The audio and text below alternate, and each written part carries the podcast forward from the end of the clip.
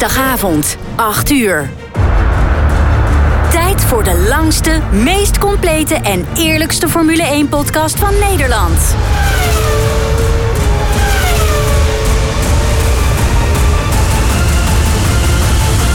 Welkom bij de Heren van de Koningsklasse.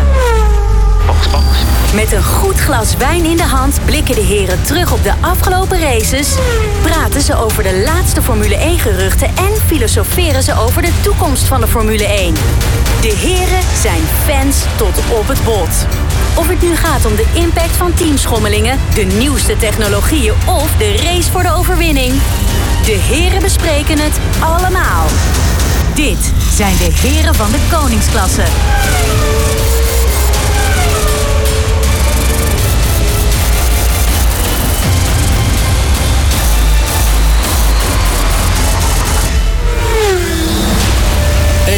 Goedenavond, het is eh, bijna vier minuten over acht geworden op deze 30 mei 2023. Een nieuwe aflevering van de leukste, de langste en de meest eerlijke Formule 1 podcast van Nederland. Wij zijn de heren van de koningsklasse. Vandaag eh, eh, vanaf een eh, nieuwe locatie. Doet u het nu wel? Ja, nu wel. Dan zit de, de indeling van de microfoons precies even andersom dan dat we gewend zijn. Oké. Maar dat maakt niet uit, ik ben al lang blij. We staan in een gloednieuwe studio. We moeten eventjes een beetje ehm schipperen. Even kijken van of het allemaal nog zo werkt als dat we gewend zijn. Want het is wel dezelfde studio. Maar een ander jasje, kunnen we wel zeggen. We zitten in een heel ander pand. Andere ruimte. Ja, heren van de koningsklasse. Tegenover mij ehm Adrie IJzermans. Goedenavond. Goedenavond, uh, Wijbrand. Frans de Zwart. Hey, Wijbrand, goedenavond. Goedenavond. En daar een lege microfoon. eh, onze grote vriend eh, Edwin Sap. eh, eh, nou ja, we hopen dat hij het nog gaat redden. Ja. Hij zou later zijn. En we hopen natuurlijk dat het niet later dan 9 uur wordt. Maar ehm, we wachten dat eh, rustig af. Ja, We moeten de volgende keer wel regelen dat iemand anders dan de wijn meeneemt. dat is het probleem van nu, ja. ja, Ja, ja, ja, ik heb nu een, een heel zielig glas water hier. En dat, Ja. dat gaan we even afzien in eh, heren van de Formule 1 eh, of van de koningsklasse. ehm, ja, taal, om maar zo te zeggen. Ja, absoluut. Ehm, heren, Nou, ja, nou ja, ik weet eigenlijk niet waar we moeten beginnen. Maar eh, Adrie, ik begin even met een stelling voor jou. Oh. Ehm, de Grand Prix van Monaco, de kwalificatie of de laatste 20 ronden van de race? Eh, ja, to- ik, sorry, maar ik kies toch voor de kwalificatie. Nou, hoef je niet sorry voor te Ja. zeggen. Dat is een duidelijk, eh, duidelijk Het verhaal. was een soort van eh, Jeddah 2.0, maar dan de goede uitvoering. Oké, ja, precies. Ja. Frans, Ja. ehm, nou, dan gaan we voor jou gaan we er ook eventjes eentje, eentje op tafel gooien. Mhm. Ehm, kan ieder Formule 1-team op de grid, behalve Red Bull, de titelaspiraties overboord gooien na dit weekend? ja. Oké, duidelijk antwoord. Ja. Dit zijn de heren van de koningsklasse, dames en heren. We gaan het zo meteen hebben over natuurlijk een terugblik op de Grand Prix van Monaco. We gaan vooruitblikken naar de Grand Prix van Spanje. We hebben stellingen en vragen uit Den Hogen Hoed. We hebben de blik van de week. En eh, we blikken dan ook eventjes op de data. Nou, wat dat precies inhoudt, kunnen jullie alvast beter. Want dat hebben jullie bekokstoofd. Eh gaan jullie mij dadelijk uitleggen. En natuurlijk hebben we ook nog de sigaar van de week. Nou, dames en heren, wat mij betreft, eh, we kunnen wat mij betreft gaan beginnen. Het wordt een hele volle podcast, want er is heel, heel veel te bespreken deze week. De heren van de koningsklasse. De blik van Ja, de blik van Monaco. Eh, Monte Carlo in eh, de kleine mini-staat eh, Monaco. Belastingparadijs waar niet alleen vele bekendheden... maar ook vele Formule 1-coureurs wonen. Ehm, ja, jongens, nou ja, laten we even inderdaad... Adrie, we hadden het net al even. eh, eh, eh, de Formule 1 in Monaco. Elk jaar weer ehm, is er dan die discussie... moet Monaco nog wel op de kalender staan? Ja of nee? Nou, Want het is één grote optocht. Het enige interessante aan de Grand Prix van Monaco is de kwalificatie. Nou, ik denk dat we dit jaar kunnen stellen eh, dat we eh, dat gedoe en eh, gejokkenbrok en gesteggel rondom Monaco gewoon kunnen vergeten. Dat kunnen we in de prullenbak st- stoppen. Wat mij betreft is er geen enkele discussie meer. Weliswaar een beetje geholpen dit jaar door de regen. Ik denk dat dat wel ervoor gezorgd heeft dat met name die laatste 20 ronden gewoon ja, de boeken ingaan als een spektakelstuk aan het einde. Maar kijkend naar het hele weekend is wat mij betreft geen enkele discussie. Ik heb intens genoten vanaf de Q1 van de kwalificatie tot uiteindelijk het einde van de race. en, en niet alleen voorin eh, bij de race, maar ook in het midden achterin. Er gebeurde zo ontzettend veel. Ah, dat vooral. Ja, het was Afgelopen gewoon... zaterdag hebben we gewoon gekeken naar de allermooiste kwalificatie ever. Nee. Nou, daar kunnen we over Nee. discussiëren. Ja, of, daar kunnen we over discussiëren. Daar ga ik ook niet met je eens of zijn. dat zo is, maar hij staat zeker heel, heel, heel erg hoog. Daar ben ik het mee eens. ik denk wel dat we ehm, het, het één na beste kwalificatierondje ooit gezien hebben. Ehm, voor heel veel mensen geldt nog steeds 1988 kwalificatie Monaco, Ayrton Senna. Ja. Dat dat is de ultieme ronde aller tijden. Nou. Ehm, maar Max heeft hem geëvenaard of... Nee, nee, beter nee. was, weet ik niet. Maar ik denk, ik denk dat hij er wel Senna was heel, beter. heel erg dichtbij in de Senna buurt was zat. beter, want laten we eerlijk wezen. Max had geen goede kwalificatieronde. Hij had een goede kwalificatiesector. Het Ja. was met name sector Ja. 3 waarin Het hij was inderdaad... die- Q3, sector 3 waarin het gebeurde in de allerlaatste Exact. En, eh, maar het was wel van een buitenge... Nou, het was magistraal, laten we het daarop houden. Het was, ik heb geen ander woord voor. Het was Nee, maar wil, ik heb het ook zeker in deze kwalificatie ook zeker niet alleen over Max. Het was gewoon pats, pats, pats, pats in eh, Q3. Ja. Achter elkaar. Ja, dat was wel bijzonder. Dat, dat vond, Ja. wil, het ging niet, zeker niet alleen om Max, maar gewoon de totale kwalificatie. Alles wat er gebeurde. Iedereen die verbeterde zich met de nummer 1. Dat ging achter elkaar door. Daar heb je dat definitief gelijk sensationeel. Ja, ja, dat was echt magistraal. En, en, ehm, ehm, maar vooral ook, dus, de- inderdaad wat jij zei, dat pats, pa- de snelheid waarin dat gebeurde. Ongelooflijk. Dan had die weer een paarse sector, dan die weer. En dan kwam die erachteraan. Je, je hield het ook gewoon bijna niet bij. Je zat er voor die tv en je had iets van... Wat de fuck gebeurt hier ja, allemaal? Ja. Ja, heerlijk. Ja, Wat is zo dit mooi. voor een, rare, voor een rare kwalificatie Monaco? En dan weet je eigenlijk van tevoren... die race kan alleen maar tegenvallen. Met dat gevoel ga je een beetje naar de zondag toe. Dat was wel mijn angst inderdaad. Ja. Van eh, oké, eh, nu hebben we de race. We weten een beetje, het is vaak treintje rijden. Laten we hopen op regen. In het begin van de race dacht ik nog, nou er gaat toch geen regen meer komen. Nou, we werden toch nog aangenaam verrast. En voor het ene team kwam de regen net iets sneller dan voor het andere team. Ja. Maar nee, eerlijk is eerlijk. eh, de, de lat werd hoog gelegd door die fantastische kwalificatie zaterdag. Maar ik denk niet dat we zondag teleurgesteld waren. Tenminste, ik in ieder geval niet. Zeker niet. Nee, ik ben zeker niet teleurgesteld. Ik vond het eigenlijk heel leuk, want er werd iets weer geïntroduceerd... wat we jaren niet gezien hebben in eh, de Formule 1. De Truly Train was terug. Ehm, ik weet niet of jullie die nog kennen van vroeger. Nee. Eh, Jarno Trulli? Ja, vroeger Jarno Trulli. Jarno die reed ja. heel vaak voorop in een groepje. Ehm, en de anderen konden er dan niet voorbij. En dat noemden ze de Truly Train. Oh. Ehm, nou ja, we hadden nu een, eh, een De Vries Train. En, en, en hoe? Want hij reed heel lang echt ja, vooraan in dat, in dat treintje. Dat heeft hij heel lang volgehouden. En dat kwam eigenlijk een beetje door draining, hè, waar hij last van had. Ja. Ehm, maar ehm, ja, is het goed als je vooraan in zo'n treintje rijdt? Ik weet het niet. ik denk dat, Nou ja, ik denk beter dat vooraan Monaco, in het treintje dan achteraan. nou in het ja, ik denk dat Monaco daarmee zijn geluk geweest is. Ja, eens. Dat hij vooraan in dat treintje kon blijven rijden. Maar ja, als je vooraan in de file staat, heb je het minste last ervan. Ja, dat, nou ja, nou niet helemaal. Want dat draining, dat, dat vond hij wel heel erg lastig. Maar ehm, als dit op een, op een circuit had gebeurd, zoals volgende week, waar we eh, op Spanje, ja, dan wordt hij om zijn oren gereden. En, en dat baart ook zorgen. Tenminste, bij mij wel. Ja, eh, ik heb wel begrepen dat eh, dokter Helmut Marko inmiddels heeft uitgesproken dat... eh, Hij was de- tevreden. Ja, dat de Vries in dit geval heeft gedaan... en misschien nog niet helemaal heeft overtroffen... maar heeft gedaan wat het minimale was afgelopen weekend. Ja. En heel eerlijk, eh, ik was tijdens de kwalificatie al best aangenaam verrast door de Vries. Dat was natuurlijk wel een circuit wat hij kende hè, vanuit zijn vorige carrière. Mhm. En alle circuits die we tot nu toe hebben gehad... waren niet allemaal circuits waar de Vries al een keer had gereden. Dus dit was ook wel het moment waarop hij het moest laten zien. Mhm. En zondag tijdens de race heeft hij het eigenlijk ook niet slecht gedaan. Is trouwens... eh, eh, Nou, hij is als twaalfde gestart en hij is als is Nick, ook echt een simmer, of niet? Eh, niet, een- niet zo actief als Max. Er zijn eigenlijk maar twee waarvan ik het weet die het heel actief doen. Dat is Max Norris. en, en eh, Norris. Ja, Ah, oké. Ja, goed. En voor hem is het natuurlijk ook een thuisrace. hè. Hij woont ook in Monaco, Ja. net als Max. Ja, wie niet? Eh, Leclerc. En, nou goed, in ieder geval. Ja, ik, ik, heb, ik heb me kostelijk vermaakt. Al moet ik zeggen dat de race op zondag, ja, het eerste gedeelte. Ja, mm, sowieso. mm, wat moeten we ermee? Wat moeten we ermee? Nou, eh, bandenstrategie, die vond ik ook wel interessant. Die was interessant. Ehm, vooral het verhaal eh, dat eh, Alonso natuurlijk begon op de harde band. Ja. Max op de mediumband.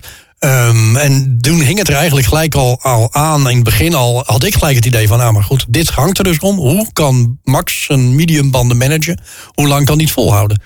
Als iemand goed is in het managen van banden... ja, dan is dat meneer Verstappen. Ik heb ook vandaag niet voor niets... eigenlijk een soort eerbetoon. Want je weet het, ik ben eigenlijk geen fan van iemand in het bijzonder. Maar Ehm, ik moet wel eerlijk zeggen dat eh, na afgelopen weekend zijn er eh, verschillende berichten opgekomen. ook weer opnieuw eh, over Max Verstappen en zijn, superioriteit.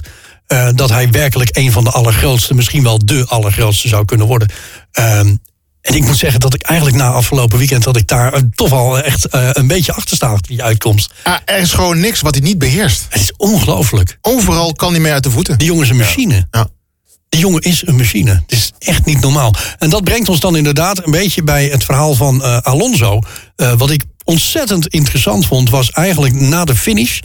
Um, werd Alonso geïnterviewd en uh, nou ja, hij is dan nu eindelijk tweede geworden. We hadden het de vorige keer nog over hè, met elkaar van ja, hij wil nu tweede worden. Nou, hij werd tweede. Dat geschenk heeft hij dan gekregen. Ja, oh ja. Uh, dus uh, prachtig. Dat viel allemaal zijn kant op. En hij heeft er ook echt, nou ja, hij heeft er verschrikkelijk hard voor gewerkt. Absoluut. Ehm, maar er werd aan hem gevraagd, na afloop, ga je deze, dit seizoen nog races winnen? waarop hij het antwoord gaf, ik heb geen schijn van kans. Dat was zijn, zijn oprechte antwoord. En daar zijn ook lachend van, je van kans. Het gaat niet gebeuren. Vind je dat ook, dat hij geschreven van um, Ja, definitief. Nee, maar ook als je kijkt naar afgelopen ja, weekend in definitief. Monaco. Want ik denk definitief. dat een beetje... Ja, maar bandenstrategie is wel mede bepalend geweest. Ik ga het je zo uitleggen. Maar ik, ik, heb, ik, vind dat, ik vind dat ook. Ik vind dat ook. Maar hoe voel je je nu als je een Leclerc bent? Of een Hamilton? En, en, en uh, Alonso, die, die, die trapt de ballen uit zijn broek om in de buurt te komen van die Red Bull. En hij heeft geen schijn van kans om te winnen. Maar Leclerc en Hamilton komen nog niet eens in de buurt nee. van Alonso. Oh, uh, Alonso heeft alleen maar kans bij technische problemen bij Max. Ja, maar ik denk dat iedereen dat heeft ja. bij de Red Bulls.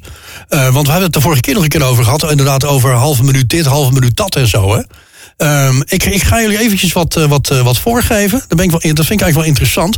Als ik nu zeg 38.6, 20.7, 0.1, 21.2, 26.3, 27.9.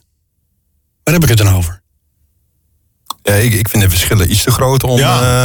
Uh, uh, dit zijn, uh, dit is het verschil aan de finish tussen een Red Bull en de next best car van de afgelopen zes races. Oh, nog één keer, want dan nu weer. Bahrein 38,6 seconden. Saudi-Arabië 20,7 seconden. Australië 0,1, logisch, was een ja. uh, safety car. Azerbeidzjan 21,2. Miami 26,3. Monaco 27,9. Wauw. Nou ja. ja het, het wordt Mic drop. Ja, dat is Oh, echt is ja. klaar. Is, Ja. het is gewoon, dit seizoen is klaar, hè? Nou, nee, jongens, laten we dat niet Nee, hopen. nee, nee, nee, ik laten bedoel, we dat maar- niet hopen. Nou ja, laten we heel simpel Vooral zijn. dat. Er, wordt er één wereldkampioen, dat is Max Verstappen. Punt. Die durf ik nu, daar durf ik nu een krab bieren te zetten. eh, Of, of een fles, goede fles, maakt me niet uit. Die wordt wereldkampioen. Eh Perez, vergeet het maar. Vergeet het maar. Ik, ik, ik ben geneigd om met je mee te gaan. En ik vind Eh, het prachtig wat er allemaal achter gebeurt. Maar ik, ik wil er niet in meegaan om een aantal redenen. Nee, maar ik, ik vrees dat je gelijk gaat krijgen. maar ergens 100% hoop ik dat dat de heb. updates... want we gaan het volgend weekend in Spanje meemaken. Mercedes komt met een update. Red Bull ook. Mercedes denkt zo'n twee tienden gevonden te hebben in de update. Eh, Ferrari komt met een update. Eh, dus daarmee hoop ik dat ze dichter bij Red Bull gaan komen. Maar ook Red Bull staat natuurlijk niet stil, dus die blijft ook bezig. Tenzij ze natuurlijk eh, afgelopen weekend een illegale vloer bij Red Bull hebben gefotografeerd. Ja, dat was ook nog eventjes een dingetje. Hè? Die auto's die daar in de... Joh, maar die auto van... Heb je gezien hoe hoog die wagen van Hamilton ging? Ja, joh. Dan zit je daar vijf hoog toevallig net even lekker te kakken... en dan komt die wagen hier aan voorbij. Weet je wat, denk je, zo, wat gebeurt hier? ja, wauw. Ja, ongekend.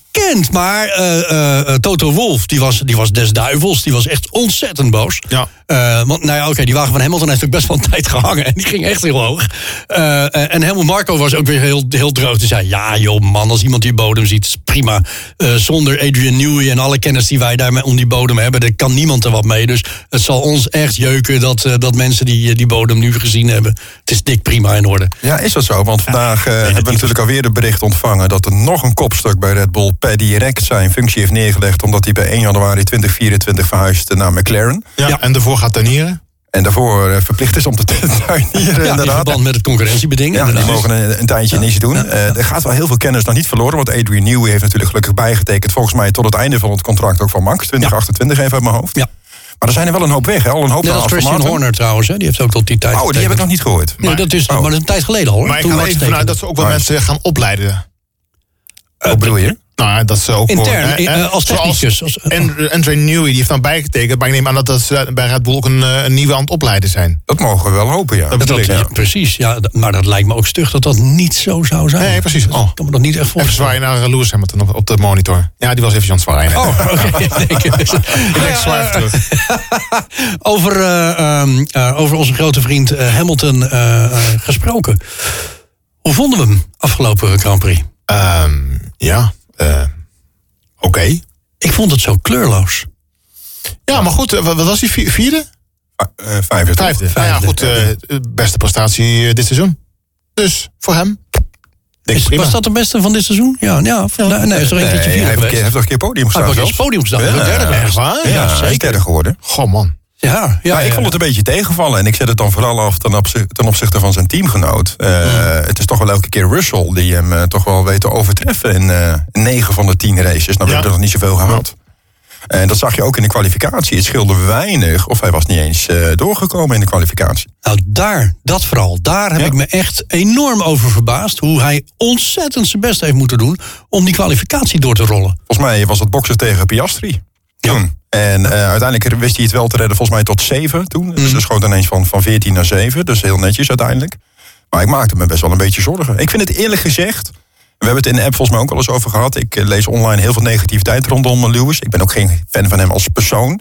Maar die man verdient wel het respect als zevenvoudig wereldkampioen. Definitief. Dat- dat- Klaar, weet je, daar kunnen we heel kort over zijn. Eh, of je iemand aardig vindt, ja of nee. Heel veel mensen vinden Max een arrogant mannetje. Nou, dat mag. Eh, maar ja, hij is wel gewoon de allerbeste coureur die er is. Punt. Ja, met, in de beste auto. Ja, nee, maar goed, dat was, dat was Hamilton destijds ook. Ja, ja, ja zeker. Die heeft ook zeven maar het is een combinatie. in- Het is ook helemaal niet gek. Hè. Je hebt auto gereden. en een goede auto nodig. En een goed team nodig. En een goede strategie nodig. En een goede coureur. Het is echt een samenloop van meerdere factoren. Nou, Heb je er maar één van die allen, dan word je geen wereldkampioen hoor. Nee, dat, dat klopt. Dat, eh, dat ben ik met je eens. Maar wat ik dan wel ehm, eh, opmerkelijk eh, vind... als je dan kijkt naar een circuit als Monaco... Ik vind een circuit als Monaco eigenlijk net zoiets als regen op een normaal circuit. Dat is de Great Equalizer. En ik weet wel dat het daar treintje rijden is, maar je kunt er ook zeker inhalen. We hebben er wel een paar eh, interessante inhaalacties, ook op een paar hele rare punten gezien trouwens, moet ik zeggen. Bijna onmogelijk. Ehm, maar ik vind dat Monaco had eh, de plek moeten zijn waar de anderen bijna net zo snel zouden moeten zijn als die Red Bull. Waarom denk je dat? Omdat er gewoon eh, geen ultieme eh, eh, topsnelheden gereden worden. Ze Ja. komen maar met 275 km per uur uit die tunnel zetten. Dat is de hoogste gereden snelheid. Daar zit een soort equalizer in. En dan toch 27,6 seconden. Hè? Tussen de Red Bull en de best next car. Wat ook wel grappig was, ik las nog een interview met Piastri. Ja. Die nog een paar veren reed bij Max in, in, in, in, erin. Oh ja? En heel mooi, tijdens het regenstuk reed hij op een gegeven moment eh, natuurlijk op eh meter of eh, gigantisch veel plaatsen achter. Maar reed hij achter Max. Hij was al op een ronde gezet, ja. Al, al op een ronde in ieder geval. En eh, hij ging de lijnen van Max rijden. ja. Oh ja, oké. En, Wat en, slim van hem. Nou ja, Nou, vooral wat hij erover zei, Ja. hè? Hij zei van ja, normaal gesproken als ik hier alleen had gereden en ik had de keuze moeten maken om die bocht zo te pakken, had ik het nooit gedaan. precies. Maar Max liet zien dat het kan. Oh, dus dan moet ik het ook kunnen. Dus hij gaf ook van, ik, ik heb nu Ja. weer geleerd. Ja, bijzonder is Slimme dat jongen, mooi. hoor, Ja, ja, dus tijdens is- de race inderdaad gewoon leren van de rijlijnen van Max. Ja. Ja, mooi. Ja, Maar- absoluut. Ehm, het was op een gegeven moment ook menens.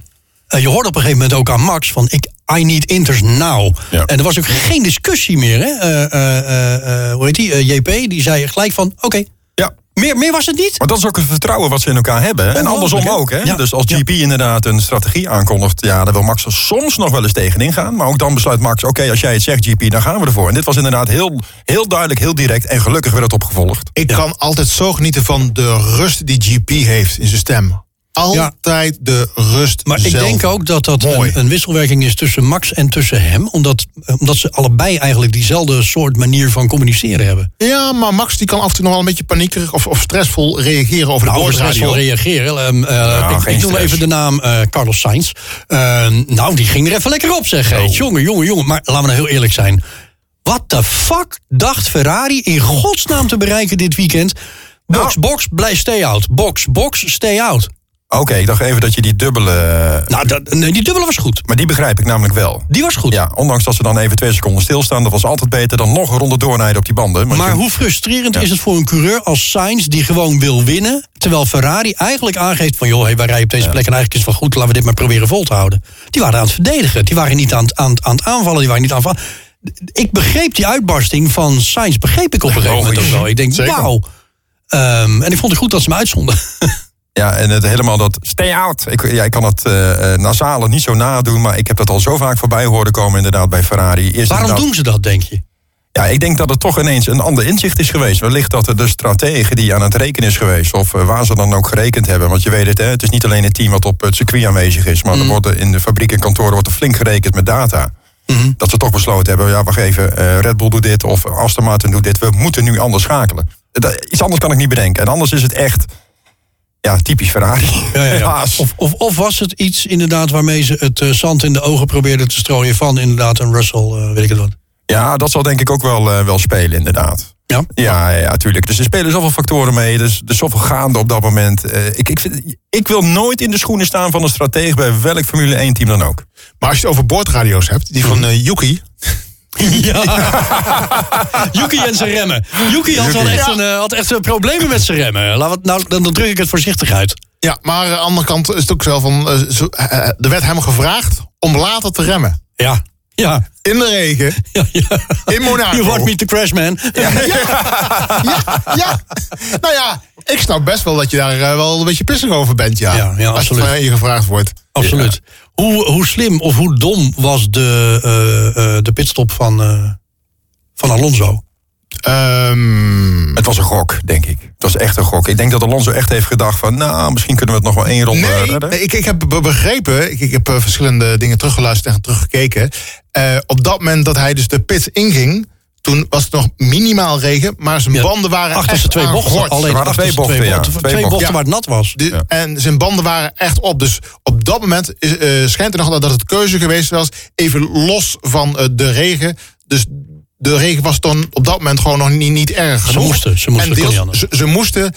En, laat, en daarachteraan kwamen pas de mensen die vroegen om inters. Ja. Nee, toch? Volgens Ja. mij, nee, nee, nee. Volgens mij waren voor Alonso ook al een aantal naar binnen. Die Ja, op inters naar buiten kwamen. twee, twee. En daarom vind ik het wel een slechte call. Nou, de call was goed, alleen de keuze voor de banden eh, was niet goed. Ik denk dat ze op dat moment ook gewoon voor de inters hadden moeten gaan. Ze wisten dat de rest Nou dat ook deed. Maar dat is, dat is wat het is een zegt, is gok. een gok. Het is een gok. Ik denk dat zij gedacht hebben van nou, het zal wel loslopen. Het gaat niet zo, alleen- alleen daar een beetje nat. En dan, dan, dan winnen we dat wel terug. Wat die anderen eh, aan inters verliezen op de hele droge ronde.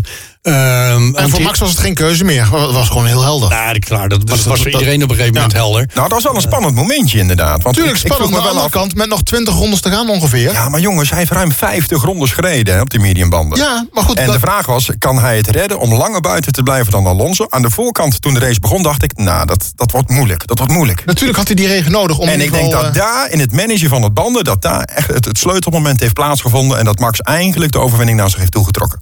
Nee, maar toen hij eh, op een gegeven moment voor die Inters eh, koos, of dat toen ze die Inters namen, eh, toen was het nog tw- 20 rondjes volgens mij zoiets. Ja, ongeveer. En Ja. daaraan was het wel goed van, hè, je, zit nog in de regen. En dan roken ze die, die Inters wel op dan, tot, tot sliks. En bedoel, daar kom je wel goed mee weg op, de, op het tempo wat dat er daar redden. Dat bij Monaco ja. gereden wordt. Ja, ja. Dus dat was een prima keuze. En toen was het al helemaal duidelijk. Maar dat had eh, het droog gebleven, ja, dan rij je aan stront. Dan blijft er niks van over. Dus dat was inderdaad precies op dat moment. Jij zegt, Alonso moest naar binnen. Ja, er was geen andere, andere manier. Er was geen andere keuze. Nee. Het moest. het tijdstip was, was, Ja. eh, kon, kon, niet, Het kon kwam niet precies worden. verkeerd uit, inderdaad. Precies. Eigenlijk een beetje de pech die eh, Max had een paar races geleden met die. eh, eh, eh, eh, hoe heet het? Met Safety die, car. Met die safety Ja. car. Nou, de, eigenlijk vergelijkbare situatie. Dit dan Alonso met zijn banden. En hij moest gewoon. Eh, de pits in. Nou, eh, we staan weer veel te lang te kletsen over deze Grand Prix. Eh, bijzonder was die. En we mogen er ook heel veel woorden aan vuil maken, vind ik dan een uitzending eh, of een podcast zoals deze. We gaan snel over naar het volgende item. De heren van de koningsklasse. De sigaar van de week. Ja, de sigaar van de week. Ehm, nou, voordat we eh, echt gaan praten over de sigaar van de week... want die is natuurlijk voor eh, Sergio Perez. eh, dat joh, mogen duidelijk zijn. Ehm, eh, laten we het eventjes hebben over de comedy capers van deze week. Want, en daarmee bedoel ik natuurlijk Lens Stroll. Ehm, nou, alsjeblieft, jongens. Dit Ah, kan Ja, toch niet. Je rijdt de muur in. Je beschadigt je voorvleugel. Je krijgt hem onder je auto. Je geeft nog een keer gas. Je rijdt er half overheen. Vervolgens rij je daardoor nog een keer de muur in. En, nou ja, goed. Ik, ik heb met verbazing zitten kijken. Ik had echt zoiets van, nou, dit, dit, is, dit is niet waar. Dit lijkt wel een slapstick. Ja, dat hij op een gegeven moment rechts wilde inhalen en dan, hè, dan krijg je die wegversmalling. Ik hoorde Olaf Mol al zeggen van, eh, er moet er gewoon een bosje komen te staan. Pas op, wegversmalling. Ja. ja, Ja. Hoe, hoe- echt idioot. Je mag toch hopen dat hij de baan wel van tevoren kende. Hij heeft ook al vaker gereden volgens mij. Ja, maar nou ja, eh, eh, niet, alleen, niet alleen Stroll, eh, Logan Sargent. Zelfde verhaal. Wat een clown. Die gaat steeds meer op Stroll lijken ook. Ja, misschien is dat het voorbeeld. Ik vraag me dan eerder af, wat gaat er dan in het hoofd van de vader op, eh, om? En hoe, eh, hoe erg rekbaar is de liefde voor je zoon? Nou ja, het zijn wel allebei geldrijders. Zowel Logan Sargent Precies. als eh eh, Stroll. Ja, Jawel, maar wees nou eerlijk, dit is toch niet wat ze in stand kunnen blijven houden. Als je kijkt naar de prestaties van Alonso in een gelijkwaardige auto, de prestaties van Stroll. In het begin van het seizoen lagen ze nog redelijk bij elkaar. Was het nog acceptabel? Was het nog uit te leggen? Verdedigbaar? Maar in Monaco vind ik persoonlijk is, nou, door de mand vallen is misschien niet het juiste woord. Maar zou ik als teambaas zijn, hè, los van het of het je zoon is of niet, eh, zou ik toch eens een achter mijn oren gaan maar krabben. Aston Martin heeft toch ambities om, een- om een wereldkampioen te worden, of een wereldkampioen af te leveren? Ja, wat, Nou, als je dan twee goede coureurs hebt, dan? helpt dat ontzettend mee. Maar als je Lance Stroll gewoon laat zitten, Dan? Dan Nou, is als- het... als- eh, maar dat is hetzelfde verhaal wat, wat we eh, eh, de jaren hiervoor gehad hebben met Perez. Die gewoon echt lang heeft moeten wennen bij Red Bull. En Max niet kon helpen als tweede coureur om ook de punten binnen te halen. Om een eh, eh, eh, wereldkampioen voor wereldkampioenschap voor het team binnen te halen. Nee, maar goed, dat ging afgelopen seizoen verhaal. best goed. En, en dit seizoen tot nu ging het ook wel heel prima met, met Sergio. Nou, redelijk, ja. Ja. Ja. Ja. Ja, dat kan niet anders zeggen. Maar- Behalve afgelopen weekend. Behalve afgelopen weekend. Behalve afgelopen weekend. Maar Wat hebben we gezien? Wat, ik, ik, ik, ook daar heb ik met verbazing zitten kijken. Ik denk dat hij zich tijdens de kwalificatie heeft vergist. Dat hij nog niet een hele snelle ronde had neergezet en nog iets te vroeg was met het crashen van zijn auto. vanwege, het, vanwege het gebeuren wat natuurlijk een paar jaar geleden Hij is was gebeurd. iets te vroeg Hij het was iets te vroeg. En ik denk, oh shit, Q1, nee, je moet in Q3 pas eh, crashen. Ja, fuck. Ja, maar dan wel een raskas. Ook dat nog eens een keer.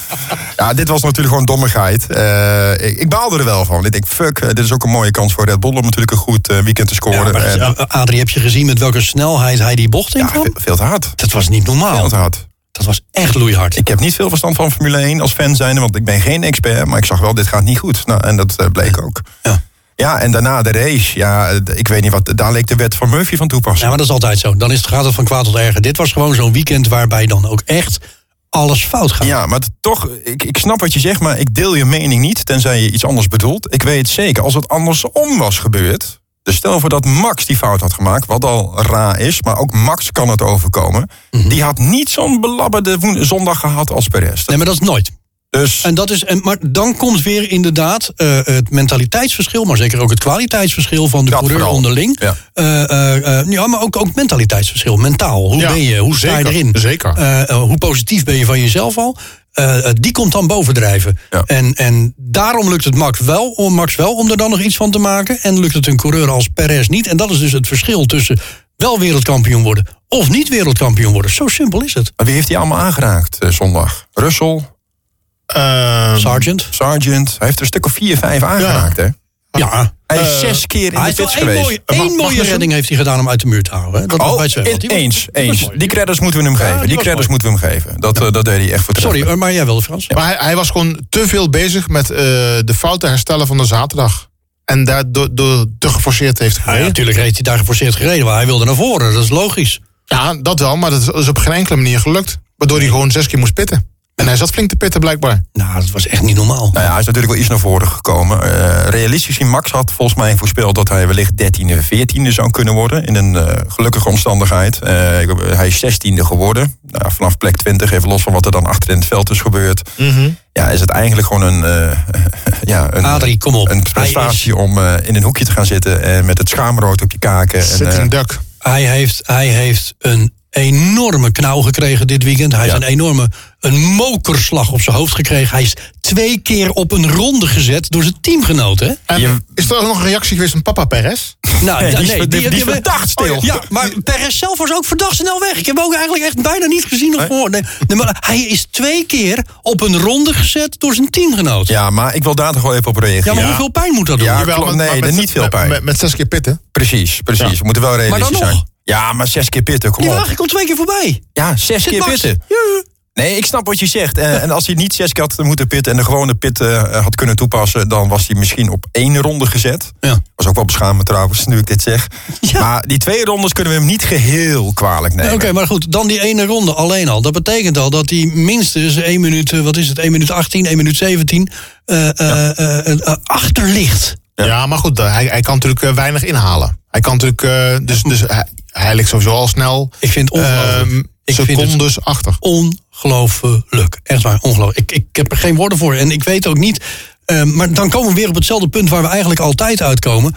Wie dan wel? Wie moet je dan wel naast Verstappen neerzetten in die auto? Wie wel? Wie kan het? Er, er is niemand die aan dit niveau kan tippen. die daar op die gele Per- staat. Perez is echt de beste man. Tot nu toe wel, ja. Echt, Ja. Perez is de maar beste ik ben man. wel nieuwsgierig wat eh, Ricciardo zou doen in deze auto. nee, jawel, nee, het is een andere auto, het is een andere motor. Eh, Ricciardo reed voornamelijk in de Renault-tijdperk. Eh, en een hele, hele andere auto, eh, andere reglementen, andere banden. Er is voor iedereen Ja, wat bij, bij veranderd. McLaren heeft ook geen deukje in een bak, bakje, bakje Nee, dat klopt, dat klopt, Dus- dat Nee, klopt. ik, zie, hem- Maar ik zie hem dat niet doen. maar de vibe heeft hij wel weer duidelijk te pakken. Dat zegt ook dokter Helmut Marko, Christian Horner zeggen het. Er is wat veranderd bij Daniel sinds het moment dat hij als reservecoureur weer rondloopt in het Red Bull paddock. Ja, zou dat zijn dat het eh, misschien hetzelfde gevoel heeft als wat Alonso heeft? Van nou ja, wie doet me eigenlijk nog wat? Uh, Alles wat ik mee kan pakken is mooi meegenomen. Ik denk dat dat bij Alonso, Alonso stiekem ook wel een klein beetje meespeelt. Los van het feit dat het gewoon een Hij briljante coureur meer, is. hè? Hij hoeft niks meer te, te, te laten zien. En ik vind het zo mooi de manier waarop hij er nu in staat. De manier waarop man, hij omgaat. genieten. De, de, de, de, de, de relatie, streep die hij heeft met Max. De manier waarop, Ja, waarop die twee met elkaar Ja, omgaan. ja. Uh, hij stond van, uh, ik heb er nog een foto door van de week. Van, hij stond een fotobomben bij, bij uh, Red Bull, bij de teamfoto. Nou, dat niet alleen. Heb je de podiumceremonie dat is gezien? toch fantastisch? Ja, maar dat hij alvast met één voetje op de plek 1 stond. Nee, Ja, die- Ja, die was ook ja, zo leuk. ja, en wat ja. ik ook leuk vond trouwens, eh, eh, was de persconferentie. Dat was natuurlijk voor eh, Ocon een ja, historisch moment. Die, die wil van elke seconde kunnen genieten. Eindelijk weer een Fransman op het podium. Dat ook, maar dan zie, je, Panis. Dan zie je Max en Alonso zitten. En die, hadden, die waren alle twee zo ontzettend ongeduldig. Ik denk, waar hebben ze toch last van? Wat blijkt nou? De stad van de Indy 500 begon. Oh, ja, ja, ja, En ze waren met z'n ja, tweeën ja, aan het bakkeleien. Oh, we're gonna miss it, we're gonna miss it. Dus Max zegt ook letterlijk tijdens de, pers, tijdens de persconferentie... ja jongens, letten we even op de tijd... want we willen de stad van de Indy 500 zien. En dan zie je Ocon die denkt... ja maar jongens, dit is mijn momentje, dit is mijn momentje. Ja, dat was zo ja. sneu voor Ocon. Nou, wat ik ook wel heel leuk vond toen eh, Alonso even op O- Ocon afkwam. Ja. Toen, eh, bewijs van, hij was zo'n...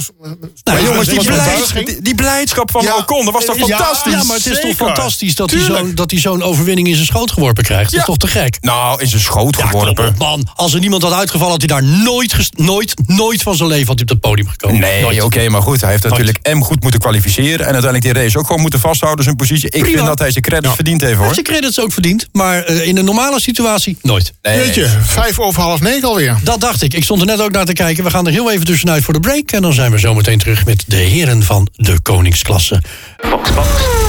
Samen zijn ze goed voor tientallen jaren Formule 1-kennis. Dit zijn de heren van de koningsklasse. Nog meer heren van de koningsklasse vind je op herenvandekoningsklasse.nl. Wel met dubbel E uiteraard. Precies. En daar kun je ook eh, je vraag of je stelling achterlaten... die eh, wij in den hoge hoed kunnen gooien. eh, waar onze Fransman dan eh, tijdens eh, de podcast... verschillende stellingen eh, uit de hoge hoed tevoorschijn gaat toveren. Als je er eentje op ons, voor ons achterlaat... op eh herenvandekoningsklasse.nl, zoals ze zegt met dubbel E... dan maak je ook nog eens kans aan het eind van het seizoen... op een miniatuurhelm van eh, de, de nieuwe wereldkampioen. Nou, dat zal waarschijnlijk met zeer grote aan, aan, aan, nou ja, aan, aan, aan Aan zeer zeker grenzende waarschijnlijkheid. Precies, Ja, die- nou, die anders zeggen. krijgen wij een kratje bier, toch? Hebben we Ja, net ja, gehoord. ja. een bier. precies. Nou ja, dat, eh, nou, en, en, en- ja, maar is ik van jullie. eh, Dus ik krijg sowieso al twee Twee kratten bier. Dus ik Als we dan wel met z'n drieën gewoon opdrinken. Sorry, met z'n vieren. Hartstikke idee. Ja. Ehm, laten we maar snel gaan beginnen. We gaan het dadelijk hebben over data. Ehm, ik vond een bijzonder verhaal. Ehm, want er wordt nogal wat data weggeschreven daar. En ik ben eigenlijk ook wel heel benieuwd of een van jullie weet... op welke manier ze dat allemaal gaan uitlezen. Want het is zoveel. Ik kan me niet voorstellen dat dat allemaal eh, geanalyseerd wordt... en hoe dat allemaal gaat. Eh, maar we gaan het eerst hebben over inderdaad die hoge hoed. De heren van de koningsklasse. Uit Den Hogen Hoed. Nou, onze Frans heeft hem weer voor zijn neus staan. De Zeker. hoge hoed. Ja. Ehm, vertel, Frans, hoeveel zit, zit er nog wat in? Of, eh? Ja, ja, ja. Ik heb er eventjes wat vragen bij gedaan. Dus ik eh, nodig een ieder uit om daar een bijdrage aan te leveren. Heel graag. Nou, haal er een uit en laat het ons weten. Ah. En Hij doet, helemaal, hij doet helemaal verbaasd ook. Het is net alsof hij een brief aan zichzelf stuurt. Nou, oké. Nou, zeker. Nou, kom maar. Een Formule 1 auto. Mhm. Wat kost dat? dat is een goede vraag. Oh, dat vind ik, nou, ik heb het jou volgens mij al eens horen zeggen. Ja, is dat eh, 5, 7 miljoen of zo? Ja, of was het nog meer zelfs? Volgens mij wel zoiets, ja. Ehm, en, en, en, en ik weet niet of die Nou. hier ook tussen staat, maar... Nee, deze heeft eh Frans er net Nee. in gedaan. Oké, nou ja... we- Deze, deze die heb ik toegevoegd. Ik Ja, denk, ik denk dat een Formule 1 auto met de ontwikkeling mee voordat het ding op de weg staat eh, 12 miljoen kost of zo. Maar waar, waar hebben we het over? Directe kosten, indirecte kosten? Want inderdaad, terecht wat Nou, Wijbrand eh, zegt. Ontwikkeling kost toch geld? Ik eh, kan er eventjes het verhaal bij houden. Kijk, ik, Eh, weet dat, de- ik weet dat de voorvleugel 25.000 dollar kost. Nou, eh, ik heb eventjes wat eh, informatie opgeschaald eh, op het wereldwijde web. Nou, komt maar. Uiteraard eh, heb ik dat niet uit eigen bron. Eh, een Formule 1-auto kost wel tot eh 15 miljoen euro. Daar zie je het, ja. Ja, om een indruk te geven, een stuurwiel van een Formule 1-auto kost ongeveer 50.000 euro. Dat vind ik eigenlijk nog meevallen. Dat is aan de goedkope kant, hoor. Ja, Ja, ik denk dat die ook gewoon van Logitech is. Maar Ligt, welk team is dit? Logitech. Ja, maar, eh, maar even serieus, ik ben wel nieuwsgierig. Is daar een team aan gekoppeld? Want ik heb bedragen gehoord. Die Ehm, begonnen bij- eerder bij 70.000. nee, dit is, dit is, ik denk dat dit een soort van gemiddelde. Oké. Een, een voorspoiler. Dit was voor de oliecrisis. Eh, De, de, de voor- en achterspoiler, die, Ja. die kosten bij elkaar zo 2 ton aan euro's. Zo. Dat is afhankelijk van de, eh, het complex, van de complexiteit eh, van het eh, ontwerp. Vooral het chassis en de motor, die, dus de aandrijflijn, die kost het, meest, zijn het meest prijzige. Rond de 10 miljoen Ja, wat, wat kost dan precies 10 miljoen? Ja, dat, dat, is, dat is niet specifiek gedefinieerd helaas. nee, dat is al wel Ik had ook wel graag gehad dat het gewoon wat, eh, wat meer uitgesplitst Maar was. nu je dit zegt, begrijp ik die Günther Steiner wel een stuk beter nu. Net na het verhaal van eh, Schumacher. Ja, ja nou, nou snap Ja. ik waarom ze Mick toch uit die auto getrokken hebben. Ja, Man, wat een geld. Je achterspoiler, twee ton? Ja, ja, nee, de voor- en achterspoiler. Oh, voor en Ja, achter. dus is, maar, een eh, voor, maar voorspoiler kost ongeveer 25.000 dollar. Eh, misschien niet met het ontwikkelen mee, maar daadwerkelijk echt de spoiler zelf. Om hem te maken en hem op die auto te Ja, hangen. maar goed, en natuurlijk de achterspoiler heeft natuurlijk weer met eh, DRS. Dus, eh, dat Ja, is daar zit natuurlijk weer veel, veel meer in. Dus ik kan Ja. me voorstellen dat die veel duurt. Maar jee, wat een hoop geld, hè? Ja, Ongelooflijk. Ja, ik zit ook even snel even te kijken. Ik moet wel zeggen Het dat... is alsof je een Volkswagen Polo aan die neus van die auto hangt. ja, die kost ook 25.000 euro. ja maar dat maak jij er weer van. Ik, ik heb het hier nog steeds over de bedragen van eh 2 ton voor eh, de, de voor- en achtervleugel. Wat geld, hè? Ja. Het is wel zo, wat ik, eh, wat ik even heel snel lees... is dat toch wel de meeste kosten gaan echt wel in, eh, in onderzoek en research en Ja, natuurlijk. development. Dus in die zin kun je natuurlijk nooit zeggen van wat kost een Formule 1 auto. Nou, als je puur Nee. kijkt naar het materiaal, denk ik dat je, dat je eh, pff, misschien met een miljoen klaar bent met al het carbon. Dat is wel heel duur natuurlijk om dat te maken en om dat, om dat goed te krijgen. Maar Het is een schatting van, want geen enkel team zou zeggen wat, het da- daadwerkelijke kostenplaatje is van een eh, Nee. Nou, als je kijkt, hè, de, de reparatiekosten van eh Guan Yu Zhou... eh, die, met die horrorcrash in 2022 op Silverstone... Mhm. eh, die crash heeft 2,5 miljoen euro gekost. Zo. Wat een ongelooflijk. Nou ja, nou ja, volgens mij kon je die auto Holland helemaal afschrijven. Dus dan Zou zo'n coureur dat dan ook, weet je, ik kan me nog voorstellen dat die, dat die, die Kwang Yu Show, dat hij daar dan ondersteboven achter die bandenstapel hangt. En dat hij dan denkt, oké, nou, mijn nek is nog goed. Oh, kut, dit gaat een hoop geld kosten. Weet je, zou die dat... ik, ik, ik hoop het vooral niet dat hij dat ook op, op dat moment, een moment eh, dat het door zijn kop is Ja, gegaan. ik zou dat denken. Ik zou- Nee. Maar ik snap wel wat Frans zegt inderdaad. Want het heeft wel consequenties op hoe je in die auto stapt. Daarom zeggen ze ook vaak, als een coureur crasht, is het eh, zo goed. eh, moet hij eigenlijk zo snel als mogelijk weer gaan racen. Ja. Om te dat geldt- dat er maar dat bepaalde voor- angst in zijn hoofd gaat, Maar gaat dat, dat geldt inderdaad ook voor een auto, autorijden. Dat geldt ook voor als je een auto-ongeluk Ja, krijgt. precies. Zelf, als je een ongeluk krijgt. Zo snel mogelijk weer instappen en rijden. Ja, maar dan 100 durf je niet. kilometer of 270 vind ik wel een verschil. Eh, eh, ja, dat, nou ja, ja. ik, weet niet, ik weet niet hoe vaak jij zo dicht langs de boarding rijdt, maar De laatste tijd vrij weinig. Ja, ik kan het zeggen. Ik heb het wel eens gedaan, maar dat, was ook dan, eh, dat ging niet helemaal goed. Maar eh, nee, ja, eh, bijzonder. Maar wat een geld. Serieus? Heel, heel veel geld. ik had niet verwacht dat het eh, bijna 15 miljoen euro zou zijn. Dat, eh, dat vind ik echt heel veel geld. Aan de andere kant is het ook wel logisch als je kijkt wat er allemaal aan research eh, aan vooraf is gegaan. En Maar het is ook maar hoe het berekend wordt. En dat vertelt het verhaal helaas niet. Oké, goed. Dit was hem. De hoge hoed. De heren van de koningsklasse. De blik van Ja, we gaan dan even een blik werpen op de data. Eh, monteurs houden van puzzelen, dat is een feit. Maar hoe zit het dan met de puzzel die een Formule 1-auto omvat? Formule 1-auto bestaat uit pakweg 14.500 individuele onderdelen. Wauw, eh, de motor is verreweg het meest complexe onderdeel. Omvat zo 5000 onderdelen, waarvan 1500 onderdelen bewegen. De versnellingsbak zou uit zo'n 500 componenten bestaan. Dat is niet te geloven. Een soort van Ravensburger, hè? Ja, nou, maar, ja, maar dan voor zeer ver gevorderde. Technisch Lego. Ehm, Er zitten in zo'n auto 200 sensoren... die in staat zijn om een beroep te doen op meer dan 1000 datakanalen. Zo, de knetter. Ehm, een, ehm, even kijken. Gedurende een ronde, één ronde... één ronde, eh, verstuurt de auto zo een 2 gigabyte aan informatie... naar de pitmuur en de control room van het team in de fabriek.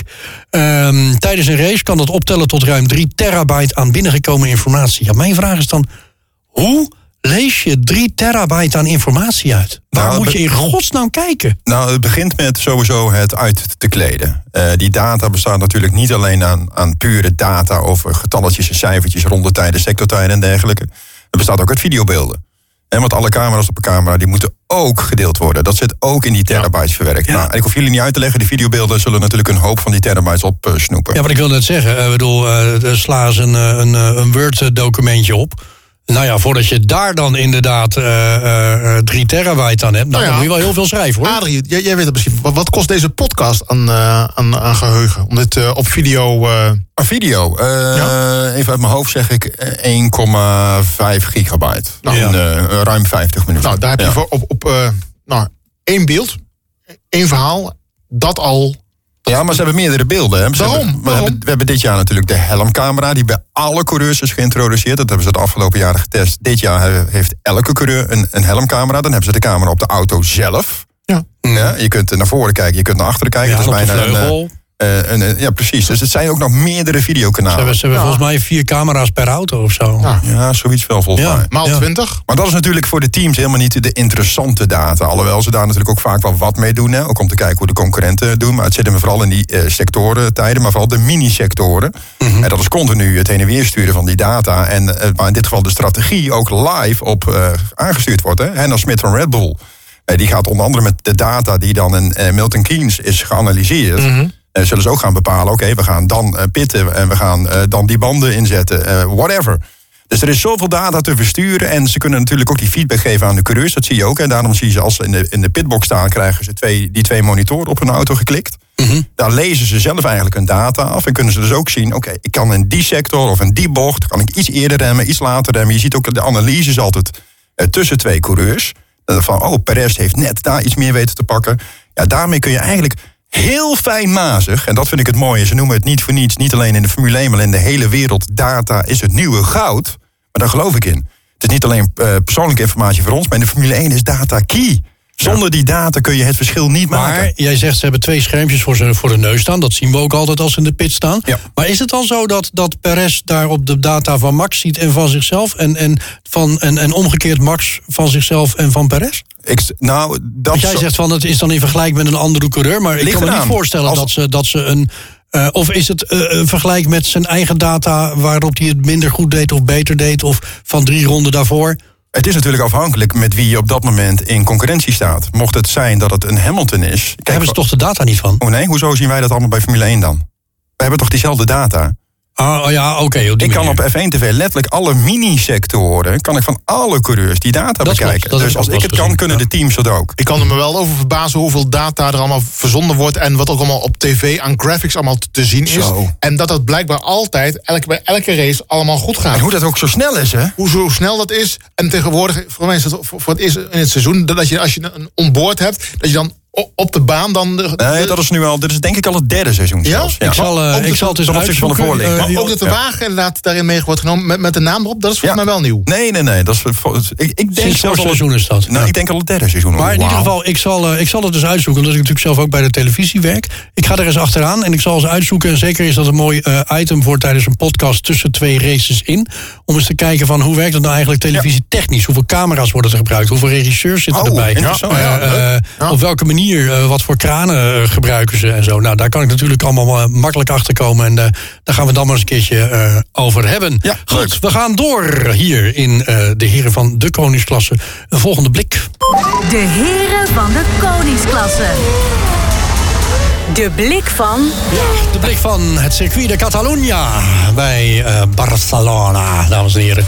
Um, oftewel de Grand Prix van Spanje. En dan is het alweer, uh, zeg ik, zeven jaar geleden dat Max zijn eerste overwinning boekte? 2016. Ja, zeven jaar terug. Ja, wauw.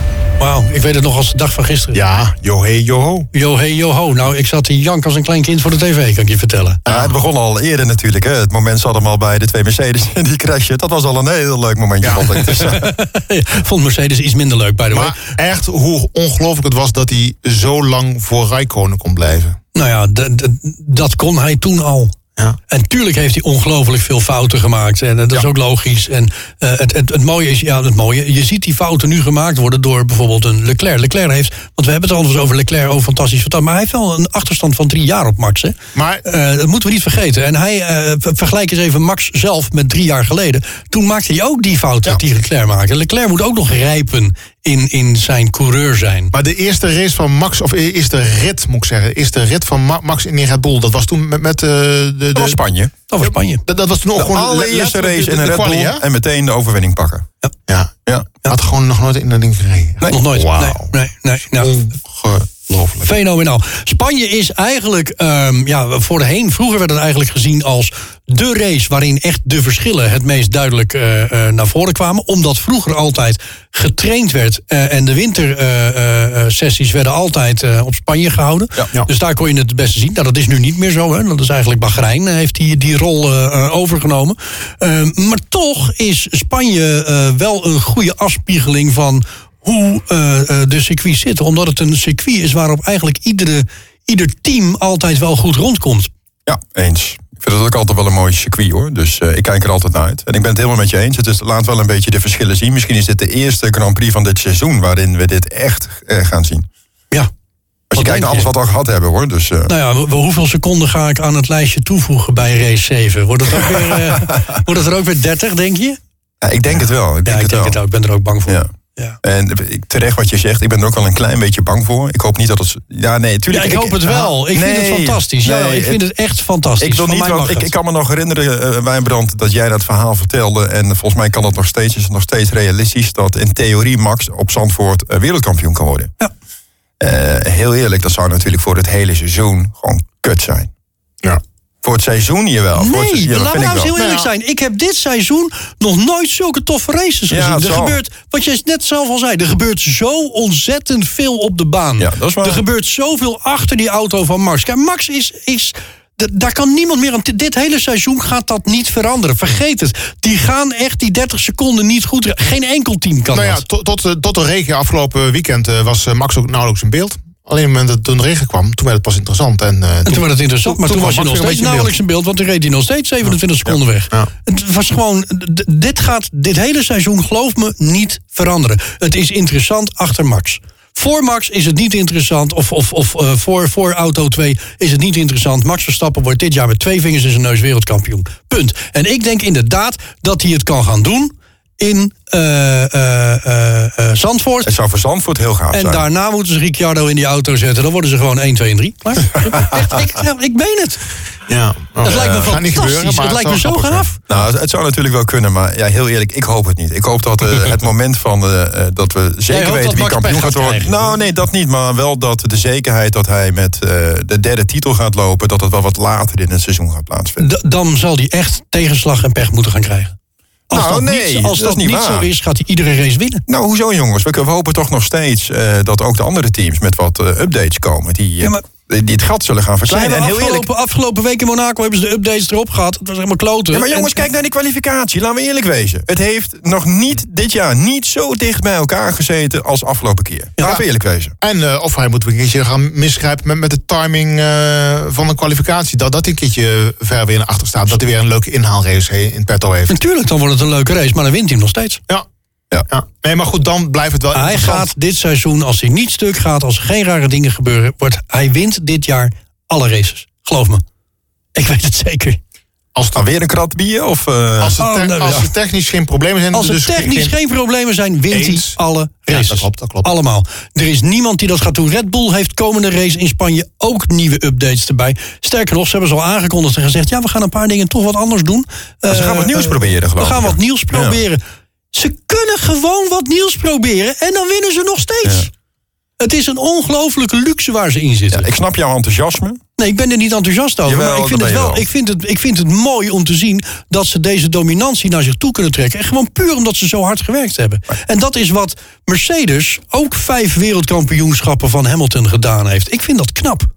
Eens. Eh, ik zei ze straks al, ik hoop. Maar dat is niet zozeer. Ik, ik denk ook niet dat het gaat gebeuren. Niet zo dominant als jij nu stelt. Ik hoop het niet, maar ik denk het ook niet. Maar ik denk het wel. We gaan eind van het seizoen gaan we het erover hebben. Ehm, in ieder geval, eh, eh, aanstaand weekend de Grand Prix op het circuit de Catalunya in Montemelo. Nabij eh, Barcelona. Ehm, nou ja, daar gaat natuurlijk een hele hoop gebeuren. En we moeten wel een beetje op de tijd gaan letten nu, jongens. Ja. Ehm, Michael Schumacher, Lewis Hamilton zijn samen recordhouders van deze Grand Prix. Met zes overwinningen elk. Ehm, ja, wat gaat er gebeuren? Denken jullie? Ja. Gaat Mercedes die twee tienden vinden, denk je? Weet je hoeveel twee tienden is in de Formule 1, Adrie? Dat is een eeuwigheid. Dat is een eeuwigheid, precies. Ja, Nee, die twee tienden gaan ze niet vinden. Dat ook dat niet. denk ik ook niet. Nee. Eh, maar Russell moet nog wennen aan die sidepods. Die weet ook nog niet wat er aan de zijkant van die, eh, van die auto. ja. van die auto Wat zit. hangt daar nou? Ja, hey.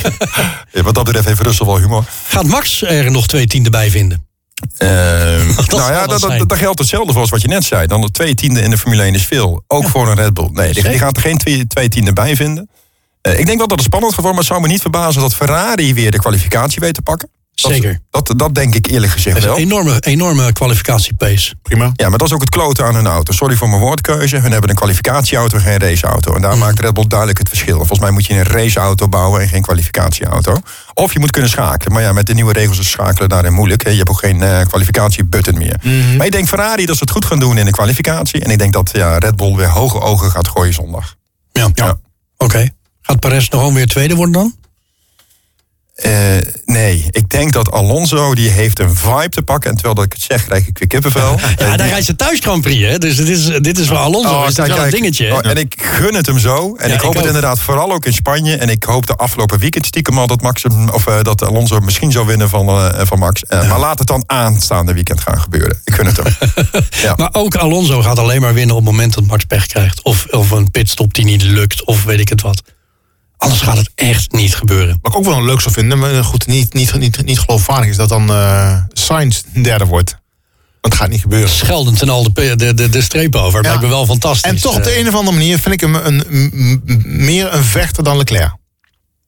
ehm, Nee. In de race. eh, ja, weet ik niet.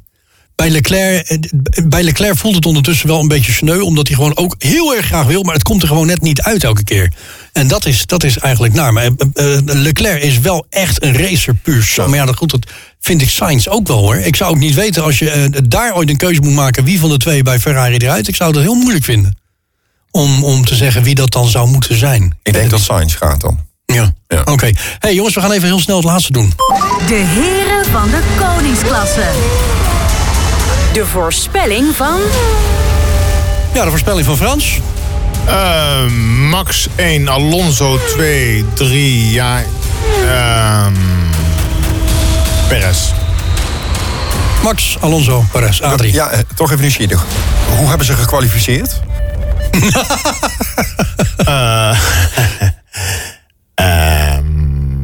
Mm, Alonso. eh, nee, nee, nee. Nou, nee, Perez die heeft eh, niet eh, in de top 3. Gekwalificeerd. nee, niet Dus gekwalificeerd. je heeft zich in de top 3 gereden? Ja. Oké. Oké. Ik denk, eh tenminste, mag ik? Ja. Eh, ik denk eh, Max 1, Alonso 2 en Leclerc 3. Oké. Brand. Ja, ik denk dat Max 1, 2 en 3 wordt. En, eh, nee. nee, goed, zonder gekheid. Ik denk dat Max, eh, Max eh, 1 wordt, eh, Alonso wordt eh, uiteraard eh, nummer 2. En nou ja, laten we een Spaans tintje eraan hangen. Sainz wordt 3. Dat zou ik wel heel leuk vinden. Twee Spanjaarden op het podium. Nou, dan kan, het Ja. niet meer, kan het niet meer stuk daar in, eh, in eh, Barcelona. Jongens, dit was hem. Nou ja, hopelijk volgende week met onze grote vriend Edwin Sap er weer bij. Dank voor het luisteren thuis. Vind meer over ons op www.herenvandekoningsklasse.nl met dubbel E. Adi IJsmans, dankjewel. Graag gedaan. Frans de Zwart, dankjewel. Jij dank. Volgende week zijn we er weer. Mijn naam is Vijfert van der Zanden. Tot volgende week. de heren van de koningsklasse. Tot volgende week.